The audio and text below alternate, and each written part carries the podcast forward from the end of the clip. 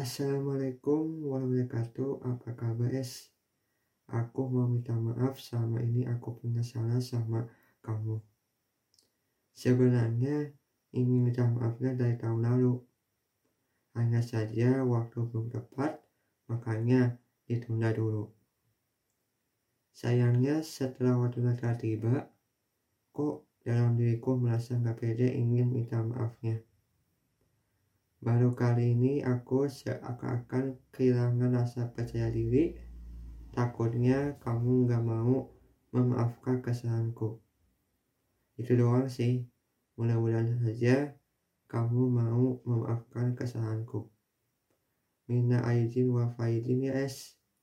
Maaf lahir batin, maaf hilaf dan salah yang pernah Ufi lakukan.